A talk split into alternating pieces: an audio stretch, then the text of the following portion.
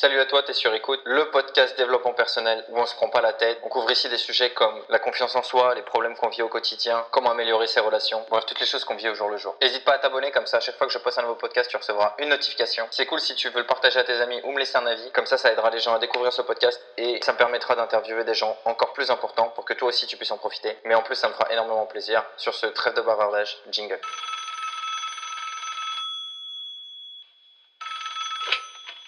Allô, c'est toi?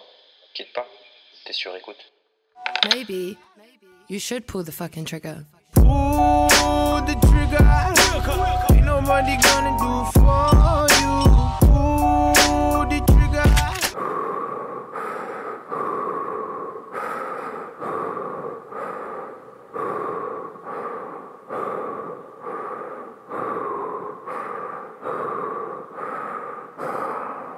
Salut à salut à tous, et voilà, j'ai encore éclaté tes oreilles, je suis désolé. Bon, l'intro un peu spéciale, hein, euh, j'espère que tu t'es pas fait de mauvaises idées. Aujourd'hui, j'ai tout simplement envie de parler respiration avec toi. Je sais pas si t'es au courant, ça fait bientôt trois mois que je suis en Thaïlande, et euh, je suis venu là pour aussi apprendre à me développer et pour pouvoir développer mes offres en tant que coach. Donc évidemment, je fais de la boxe, euh, je fais un petit peu de yoga et je fais de la méditation. Et je parlais un petit peu sur Instagram avec euh, des gens qui me suivent et quelqu'un, pour me remercier, m'a conseillé la méthode Wim Hof. Alors je ne sais pas si je le prononce bien, mais c'est quelque chose dont j'ai envie qu'on parle aujourd'hui. Pourquoi j'ai envie qu'on parle de respiration? Bah, En même temps, j'ai envie de te dire, c'est la chose de tes journées que tu fais le plus. Le truc, c'est que toi et moi, on ne le fait pas consciemment. Et comme tout ce que tu fais de façon inconsciente, bah, c'est pas très très bon pour la santé. Et donc ça m'intéressait, je me suis dit pourquoi pas tenter cette technique Wim Hof? Et j'ai envie de la partager avec toi. Mais avant tout, j'ai envie de te poser une question. Même plusieurs questions d'ailleurs. Est-ce que tu penses que tu respires de façon optimale? Qu'est-ce que ça veut dire de respirer d'une façon optimale? Bah, Je sais pas, par exemple, tu es en train de courir ou de marcher et est-ce que tu arrives à respirer assez pour que tes muscles puissent faire l'effort? Que ton cœur puisse battre à un bon rythme et transporter l'oxygène dans tes muscles et euh, dans tout euh, ton corps. Combien de temps tu penses que tu peux tenir ta respiration? Moi, je sais que normalement, si je peux, comme ça, euh, à l'arrache, je peux la tenir peut-être 30 ou 45 secondes. Et est-ce que tu penses que ce podcast est vraiment important? Je te laisse répondre toi-même à ces propres questions, mais si tu es encore là, c'est que tu as compris à quel point respirer c'est important, parce que essaye de t'arrêter de respirer pendant une journée et on en reparle. Ou pas. Justement, c'est bien ça le problème. C'est qu'on risque pas d'en reparler toi-même. Et en fait, le truc, c'est que respirer, c'est devenu tellement quelque chose de banal. On se dit, ouais, mais je respire. J'ai demandé, en fait, à des gens, dans les groupes de coaching sur lesquels je, je suis inscrit, si des gens pratiquaient certains exercices de respiration. Et il y a des mecs, évidemment, des trolls qui disent Bah ouais, tous les jours, je respire, je prends de l'air, je, le ressors, je prends de l'air, je le ressors. Mais en fait, avec la pollution actuelle et le changement climatique, alors c'est pas du tout le thème aujourd'hui, mais l'oxygène, ça devient une denrée rare. Ça va devenir de plus en plus compliqué de consommer de l'oxygène et probablement tu vas te le faire payer. Il y a déjà des banques d'oxygène des barres à oxygène où ça te coûte une blinde et tu mets un masque à oxygène pendant 2-3 minutes et tu respires de l'air pur. Et donc imagine si l'oxygène devient une denrée rare et que tu peux respirer qu'une fois toutes les minutes, comment tu vas faire? Parce qu'en fait, nous, on utilise l'oxygène comme ça, on respire. J'ai envie de te dire, si tu faisais la même chose avec ta thune, tu serais bien plus consciencieux. On pourrait même dire, je jette mon argent par les fenêtres. Bon, et en gros, la méthode Wim Hof, c'est quoi? Bah, tu peux tout simplement aller la voir sur YouTube, on va pas passer 3 heures dessus mais c'est juste des exercices de respiration qui fait que tu peux contrôler ton rythme cardiaque, tu réoxygènes ton sang, ce qui régénère toutes tes cellules souches. Mais en fait, ce qui est assez fou, c'est que ça aussi te met en transe, entre guillemets, et tu peux accéder à certaines parties de ton cerveau que tu n'utilises que très peu. En plus de ça, ça te permet de gagner beaucoup plus d'énergie pour ta journée, puisque évidemment, essayer de courir avec euh, une épingle à nourrice sur le nez sans respirer, tu vas voir que tu vas pas avoir beaucoup d'énergie. Mais imagine que là, tu respires trois fois plus ou tu donnes trois fois plus d'oxygène. Alors je dis trois fois, mais c'est peut-être dix fois, vingt fois, je ne sais pas, j'ai pas la stat. Mais tu respires beaucoup mieux et donc tu offres beaucoup plus d'oxygène à ton corps, donc tes performances sont décuplées. Et moi, je l'ai testé. Et le deuxième jour, pour te dire, j'ai déjà senti des résultats. Alors je te dis pas que je suis devenu un surhomme et que j'ai pu courir le marathon, mais en fait c'était très bizarre, j'ai envie de dire, parce que j'arrivais mieux à sentir en fait, j'avais des plus grandes sensations et j'entendais beaucoup mieux aussi. Enfin, mon, audition était claire, comme si en fait on avait augmenté le volume des choses que j'écoutais. Alors tu peux me dire que je deviens assez fou et que je dis de la merde ou que euh, je dis vague, mais Wim Hof c'est quand même l'homme ou l'un des seuls hommes à aller euh, en Alaska ou en Antarctique, je sais plus, en short sans tomber malade, ni faire de pneumonie, ni euh, d'hypothermie. Tout ça parce qu'en fait, il a réussi à contrôler sa respiration et son influx d'oxygène dans son corps. C'est un petit peu comme des moines Shaolin contrôleraient, leur chi ou, tu vois, quelque chose comme ça. Et donc, beaucoup de gens expérimentent ça parce qu'en fait, ce qui s'est passé, c'est que Wim Hof l'a fait et aucun scientifique n'a pu expliquer pourquoi ça arrivait. Juste, il modifiait en fait son ADN et euh, ses cellules en les régénérant. Et donc les scientifiques qui n'ont pas pu expliquer pourquoi ont tout simplement dit vous êtes un homme extraordinaire, vous êtes euh, euh, quelque chose de différent, hors de la norme quoi. Et Wim Hof a essayé d'expliquer que c'était à cause de la respiration et personne ne l'a cru. C'était pas possible de pouvoir biohacker son corps comme ça juste en respirant. Et donc têtu comme il est, cet homme, Wim Hof, il a décidé tout simplement de prendre 20 cobayes et de leur enseigner. Et en moins de 3 semaines, ces gens-là pouvaient prendre des bains d'eau glacée sans aucune sensation de froid en fait. Et là tu vas me dire ouais non mais aucun intérêt de prendre un bain glacé, euh, j'ai jamais envie de faire ça donc ça me sert à rien de respirer donc euh, je m'en fous de ce podcast. Bah détrompe-toi parce qu'en fait le fait de se prendre des douches froides mais genre archi froides ou des bains glacés ça renforce ton système immunitaire, ça aussi, euh, attention, couplé avec la respiration, hein, ça te permet d'accéder à certaines parties de ton corps et à, faire certains stimuli que je ne saurais pas t'expliquer encore, mais qui rendent ton corps beaucoup plus résistant, donc au froid tout d'abord, mais donc aux maladies qui sont engendrées par le froid. Et donc, petite dédicace à lui aussi, Max par exemple, qui a tenté depuis 8 mois la respiration Wim Hof et euh, des douches gelées, n'a pas utilisé un seul manteau de l'hiver et n'est pas tombé malade du tout. Mais en plus de ça, il a réussi à réduire ses allergies au gluten. Alors attention, je te dis pas de prendre trois respirations, une douche froide et que tout d'un coup tu peux bouffer toutes les baguettes du monde. Mais c'est prouvé que prendre des douches froides, en plus cumulé donc à la réoxygénisation de ton corps, peut amener des résultats juste hallucinants. Donc j'étais curieux, j'ai testé comme je te disais. Le jour 1, euh, je me suis senti euh, bizarre, comme des, euh, des ébullitions dans mon corps en fait. J'arrivais à sentir l'oxygène dans le sang, dans mes doigts, dans mes bras, dans mon dos, et j'ai des douleurs au dos que je travaille avec un physiothérapeute. Et ben en respirant, j'ai senti que mon corps lui-même essayait de réparer tous ces problèmes que j'ai à l'intérieur de moi. Le jour 2, le- la même chose, des petites démangeaisons, des picotements, enfin je, je sentais mon, mon corps. Je me suis senti aussi euh, submergé d'é- d'émotions, un petit peu de, frissons.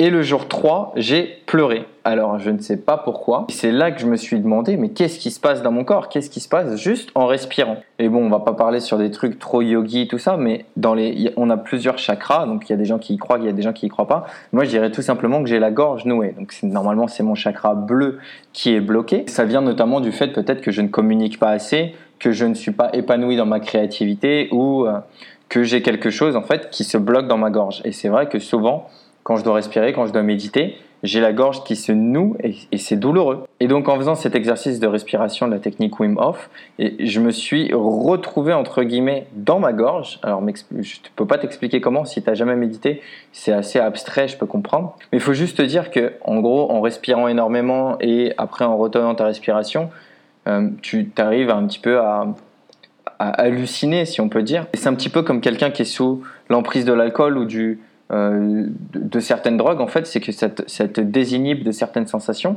Et donc, tu peux accéder à certaines parties de ton corps que d'habitude, tu laisses en mode veille. Donc, je me suis retrouvé là. Et en fait, je pense que j'ai tout simplement ressenti l'émotion qui fait que, que mon, mon chakra ou que ma gorge est bloquée. Et j'ai pleuré, tout simplement.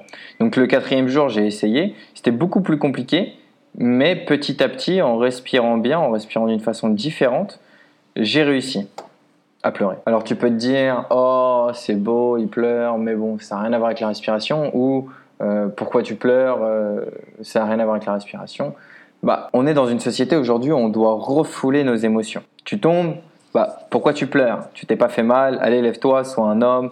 T'as un chagrin d'amour Ah, mais t'inquiète, des hommes, il y en a plein, t'en fais pas. Tu t'énerves après ton boss Attention, tu vas te faire renvoyer. Aujourd'hui, on n'a pas le droit d'avoir des émotions. Donc, on, on les refoule, on les rejette, on les cache.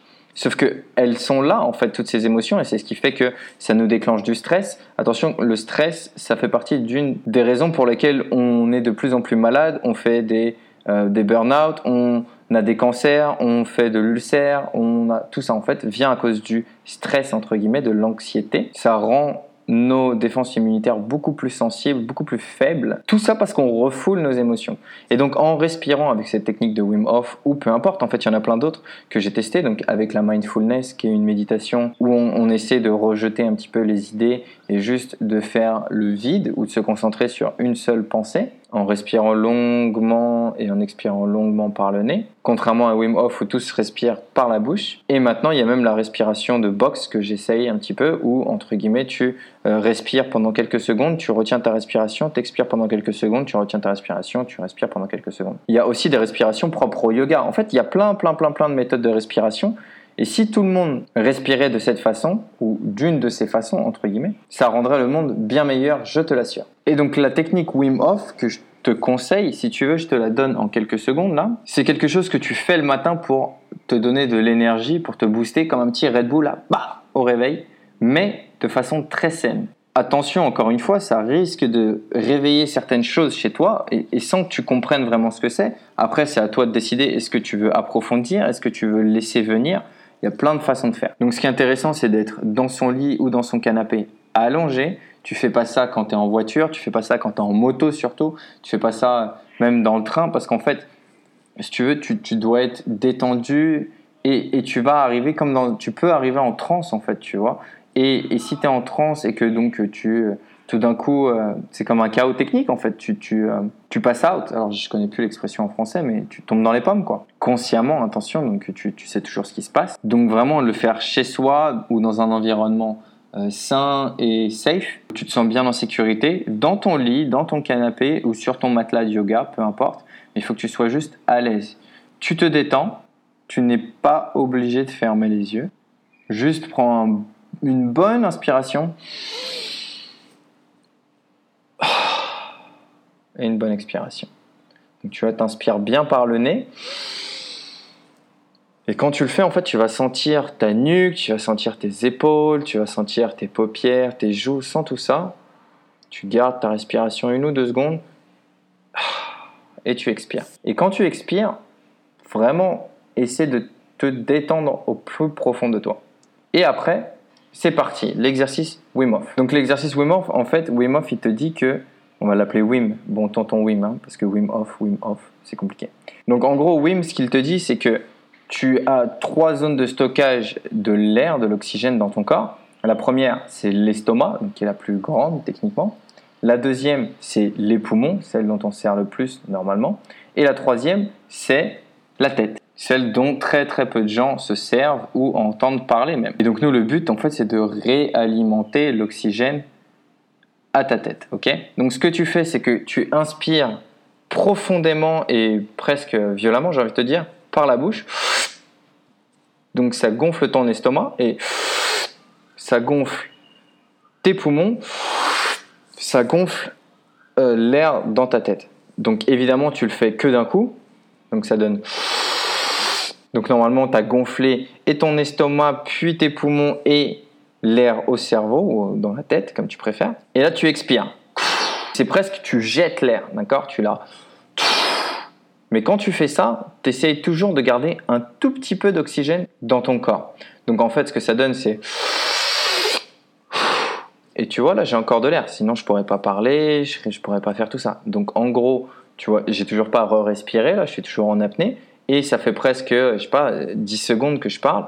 Ça veut dire qu'il y a toujours beaucoup d'air dans mon corps, ok? Et donc là, tu réinspires, donc vraiment estomac, poumon, cerveau, et tu, tu, tu, commences à sentir un petit peu cette sensation peut-être, si tu t'arrêtes pas hein, pendant que je parle, donc c'est toujours...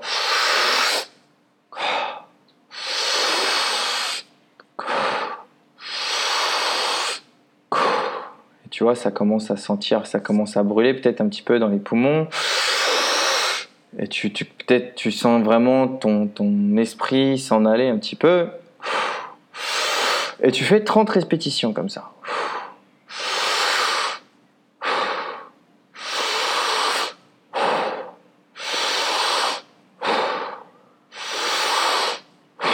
Donc tu fais 30 répétitions comme ça et tu vas peut-être te sentir un petit peu, euh, tu vois, dizzy. Alors tu as peut-être un petit peu la tête qui tourne et tout. C'est normal, c'est fait exprès. Et donc quand tu arrives au numéro 30, même 40 si tu veux, hein, c'est pas important, c'est que tu te sentes bien et que tu fasses bien l'exercice, que tu inspires avec beaucoup d'intensité et que tu expires en gardant un tout petit peu d'air. Donc, la dernière, tu fais. Et là, tu retiens ton souffle. D'accord? Donc, je vais le refaire avec toi.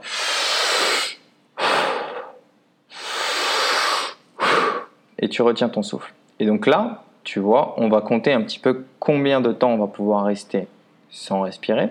Et normalement, déjà là, tu vas pouvoir garder beaucoup plus d'air et donc rester en apnée beaucoup, beaucoup, beaucoup plus longtemps. Donc pendant que tu es en apnée comme ça, ne pense pas à ta respiration, juste essaye de ressentir ce qui se passe autour de toi. Essaye de te dire, je sais pas, mais mes orteils me démangent, j'ai le nez qui gratte, mais ne fais rien, juste profite, profite, profite. Et avant de vraiment plus avoir d'air du tout, tu reprends ta respiration. Donc tu vois là, ça fait 45 secondes et j'ai fait une mini coupure. Donc ça fait plus d'une minute que tu retiens ta respiration normalement. Et là, tu respires. Et quand tu respires, tu pousses tout l'air que tu as à la tête. Pendant 10 secondes, et tu recommences. Session 2. Donc évidemment, on va pas le refaire ensemble, mais tu recommences.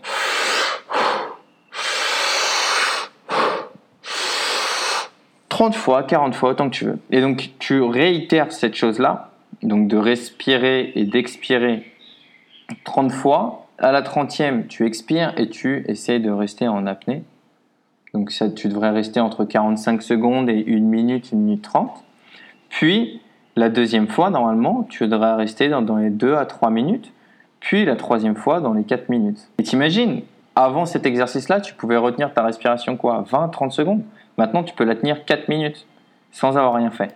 Donc imagine le taux d'oxygène que tu as dans ton, dans ton corps maintenant et à quel point c'est bénéfique pour toi. Donc encore une fois, ça c'est la technique Wim Hof, mais comme je te disais, il y a la technique de mindfulness où tu respires par le nez, tu la gardes un petit peu et tu expires. Donc soit par la bouche, soit par le nez. Normalement, tout se fait par le nez en mindfulness et tu es censé te concentrer sur le point d'entrée, euh, sur le point où tu ressens le plus l'air, que ce soit tes poumons, le, petit, le, bout de ton nez, euh, ton estomac qui, se, monte et qui descend, peu importe.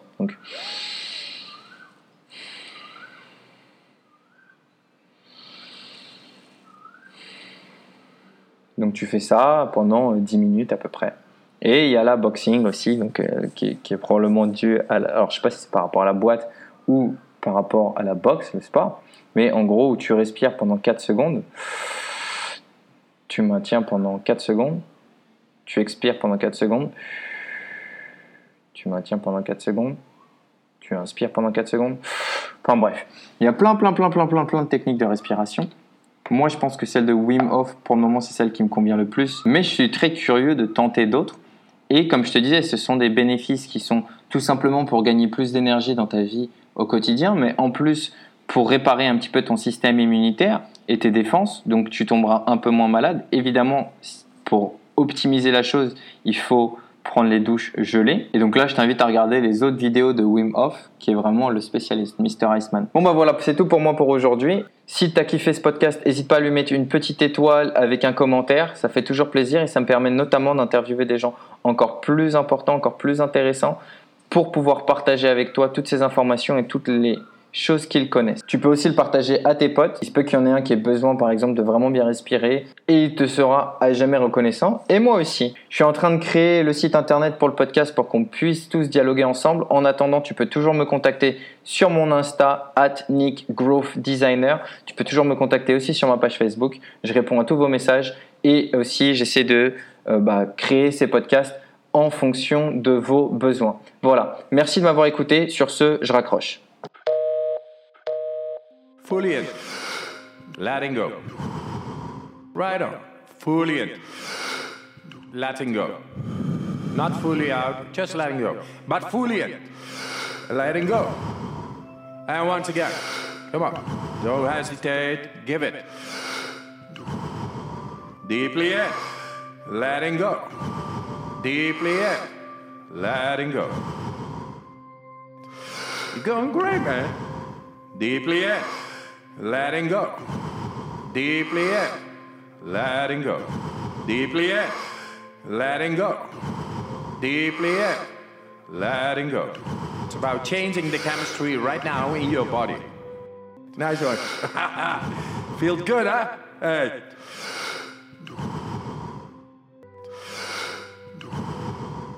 Ten times more. Deeply in. Letting go.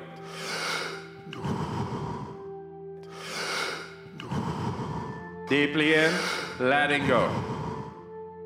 Deeply in, letting go. Deeply in, letting go. Deeply in, letting go. Deeply in, letting go. Okay, five times more.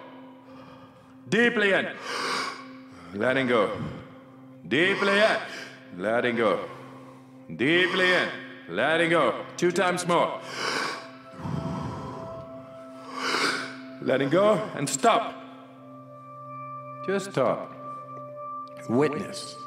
Without air in the lungs, you are able to stay much more than normally. Why? Because we changed your chemistry. Carbon dioxide went out, O2 went up, filled up uh, all the cells, and the pH levels go up. Then we are able to tap into the central nervous system, and at the end, we got the brainstem. And that's the place of the pineal gland, hypothalamus, pituitary gland. And the pineal gland makes the secretion of uh, adrenaline in dangerous situations. Normally, we do not get into it because of, of our shallow breathing. But this is the way to get into the, the most primitive part, the reptilian brain, without uh, many difficulties and fend off bacteria, getting better into the endocrine systems. In minutes, and you're still on. That shows that the capacity to fill yourself up with oxygen is a lot uh, uh, more than we normally use. And as we do not use it, we are not making use of the full capacity of our physiology. Now we found out we got a different layers and we never use it. And this is the way to learn to use it, to tap in and bang into the primitive brain, into the endocrine systems, immune systems, the way nature has meant it to be. Everybody is able to do it. Whenever you feel the urge to breathe, you don't need to force. It's only learning how to oxygenize the body and all the cells. You're going great, man. Nice one. Feels good, huh? When you feel the urge to breathe, you breathe in fully and keep it for 10, 15 seconds. Then that's one round. Fully in and keep it.